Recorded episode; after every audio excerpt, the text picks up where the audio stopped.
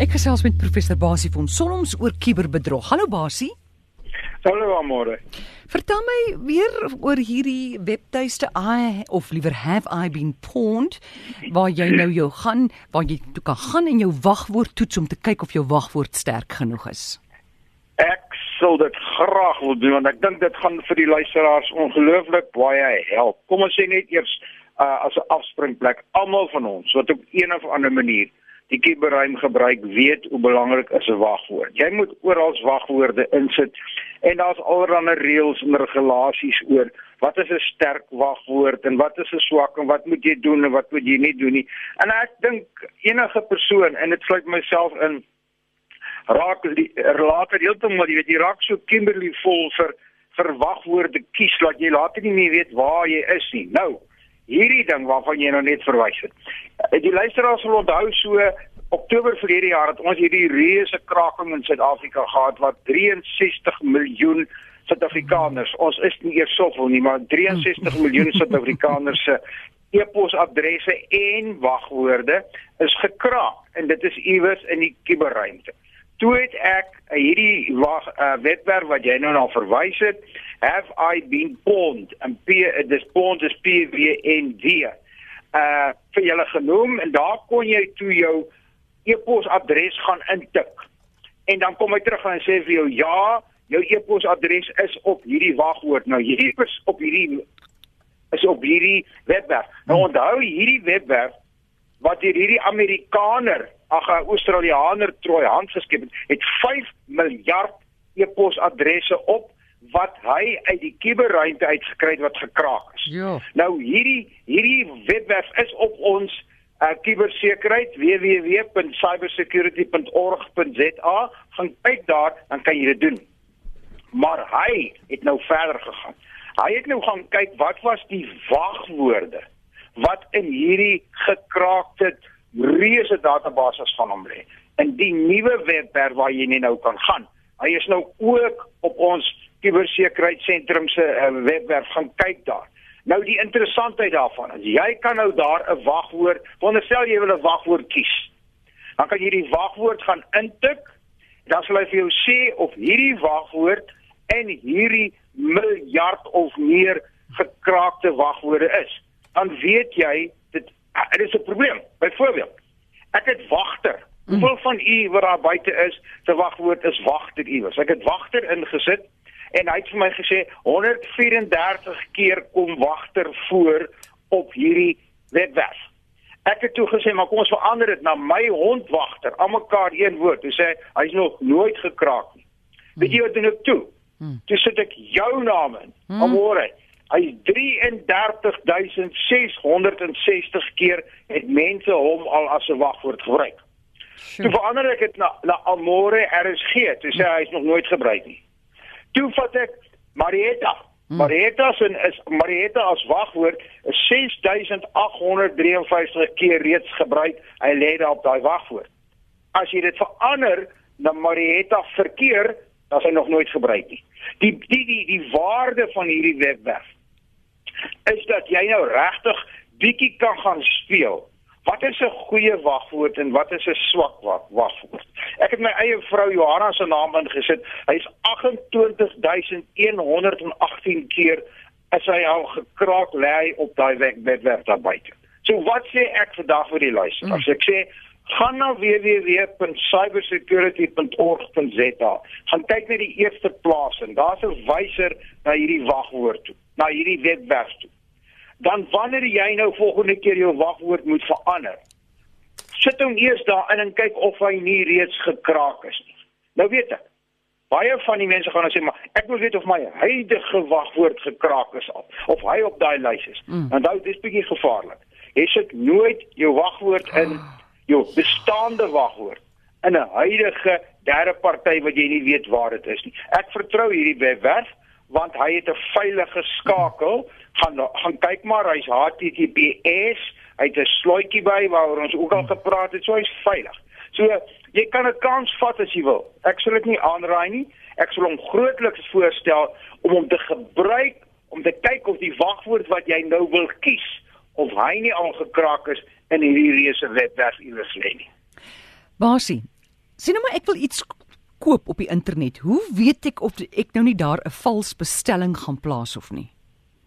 Dis ook 'n baie interessante geval. Ek het hierdie hierdie afgelope week of twee al verskeie gevalle gehad van van luisteraars wat vir my sê en sê ek het 'n groot probleem. Ek het ek het bietjie 'n gemors gemaak. Die een geval wat ek tog wil bespreek, dink ek is 'n geval wat baie van u mee kan assosieer baie van die luisteraars. Die persoon het met 'n eiendomsagentskap uh gewerk. Hy het 'n eiendom verkoop. En hy het toe met die eiendomsagentskap het toe vir hom 'n koopkontrak gestuur en hoeveel van ons doen dit nie? En hy het die koopkontrak gekry uh van 'n vreemde plek. Want wat gebeur het is iemand het hierdie koopkontrak onderskep op een of ander manier. Ons is nog nie seker hoe nie. En hy het toe die bankrekening waarin die deposito betaal moet word, mm. het hierdie onderskepper hierdie rot verander na die rot se bankrekening toe. En hierdie persoon het toe die deposito, hy het nie gekyk nie. So daar was nalatigheid gewees. Hy het nie gekyk nie want die die kontak was nie verseker nie. Daar was nie 'n HTTPS by nie. En verder sê hy vir my, daar was een spelfoutjie gewees in die e-posadres. Dis nie presies dieselfde as sy oorspronklike agentskap. So wat sê ek? Hierdie ou het hom geld verloor op die stadium. Wat sê ek vir die luisteraars? Ek sê wat ek al baie gesê het.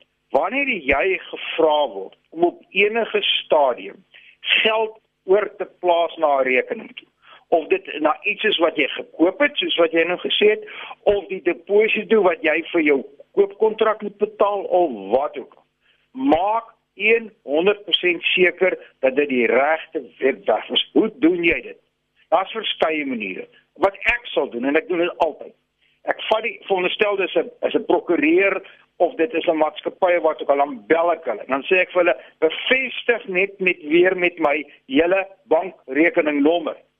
En dan kyk ek of dit die bankrekeningnommer is wat op die rekening verskyn. Moenie liggelowig wees nie. 'n Luisteraar het my gesê hy of iemand wat hy ken, veronderstel hy wil aanteken na vat nou maar 'n bank, kom ons sê Absa Bank toe. Dan wil dan doen hy nie die moeite, hy's te lui om te sê www.afsap.co.za, hy gaan Google Afsa. Dan kom die heel eerste een wat bo uitkom, vat hy net eenvoudig, hy kopieer net eenvoudig daai adres, sit dit in sy Afsa web in in in die in die webwerf in in vat daai ding. Groot gevaar. So baie van ons as mense is net slordig. Ons is slordig met ons vertroue. Ons vertrou die ander kant te veel wees versigtig, dink wat jy doen, volg 'n tweede pad, bel die ou, hmm. maar moenie sommer net geld betaal na webwerf toe waar dit vir jou vra nie. Basie, ek het vir Connie van Dana baie op die lyn, hy wil vir jou 'n vraag vra. Hallo Connie. Hy's baie welkom, ek is baie naby om op die oomblik. Ek is op Reebok. Hallo. Goeiemôre uh, professor en Amorey. Yes. Uh, ek kom vir u besoek daar.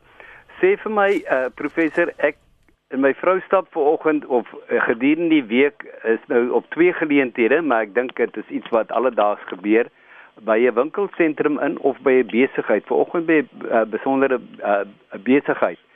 Dan wys hy onmiddellik op my selfoon vir my waar ek is en dan sê hy welcome to so and so and take some pics and send it to your friends. Nou ek het my GPS vir maps aangeskakel het dit 'n hmm. verband of watter uh Absoluut. watter risiko ja. is daarin dat mense jou beweging so uh monitor en uh watter apps kan jy afskakel? Baie dankie. Goed Connie. Baie goeie vraag. 'n Baie goeie vraag en en ek ek dink dit is ook iets wat wat weer eens luisteraars moet baie versigtig wees. Die beste riglyn is moet jou GPS nie sommer net aanskakel vir enige ding nie. Moet hom nie permanent aanskakel nie. Want onthou, dan weet jou foon presies waar jy is. Daai foon van jou, die die winkel waarin jy instap, het weer jou foon se telefoonnommer of iets, omdat jy by hulle rekening het of wat ook al. En onmiddellik as jy instap, dan tel daai Wi-Fi, tel jou foon op, hy tel jou posisie op, hy, hy en hy sê vir jou hallo, want hy weet wat is jou naam, het jou inligting en al sulke dinge. So dit hoef nie eers altyd net met die GPS te wees nie. Hy kan net eenvoudig met die Wi-Fi kan hy op een of ander manier jou foon optel en, en hy maak kontak as jy al van tevore met in daai winkel was en jy het aan daai winkel se na daai winkel se wifi toe aangeskakel soos wat ek en jy baie keer op die lughawe doen. Kyk dit maar. As jy inkom op die lughawe dan skakel jy jou foon aan en hy sê hallo basie. Dan moet hy weet ek is daar. Uh want, want ek het al van hom van tevore vir hom gesê ek is daar. So weer eens. Mens kan nie altyd wegkom hiervan nie. Maar dit wat die luisteraar nou gesê het is tipies wat al meer en meer begin gebeur wat al meer en meer deur die deur die hele omgewing gebruik word om te bemark. En hy wil goed aan jou bemark. So wees versigtig daarvoor.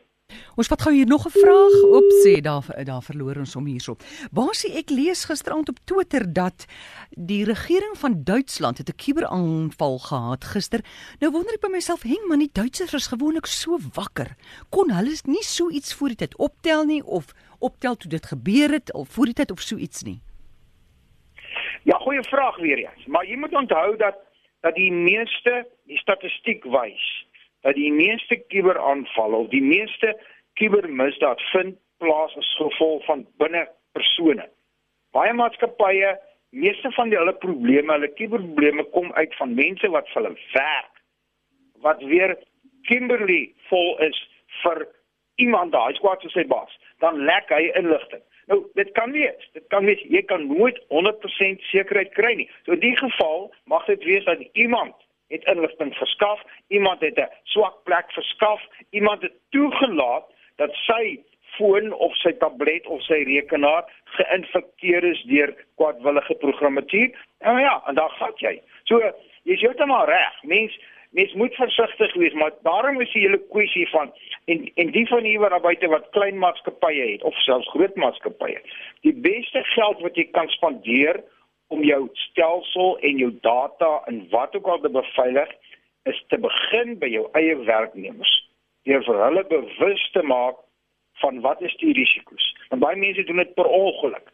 Hy reageer per ongeluk op hierdie hmm verskriklike prys wat hy in, in die lotery gewen het wat hy nooit voor ingeskryf het nie. En dit is 'n internet hengelaanval. Hy mag binne in die maatskappy sit en hy reageer daarop. So, maak jou werknemers bewus van al die moontlike gevare dat hulle dit kan doen. Jy gaan nooit die vrot appel wat daar binne sit wat dit voldoen voorkom nie. Maar minstens is dit 'n goeie beginplek. So, dit sal interessant wees waar hulle kraking gekom het. Maar weer eens, jy weet ek is so sinies en jy weet dit al en almal weet dit al. Dat dat almal almal is slim en die hmm. kibermisdadigers is ongelooflik slim. Hulle is so gesofistikeerd. Hy gaan 'n gat vind wat jy nooit gedink het daar 'n gat is nie en hy gaan jou infekteer. So gesels professor Basie van Solms en jy kan hom kontak by rsgbasie@gmail.com.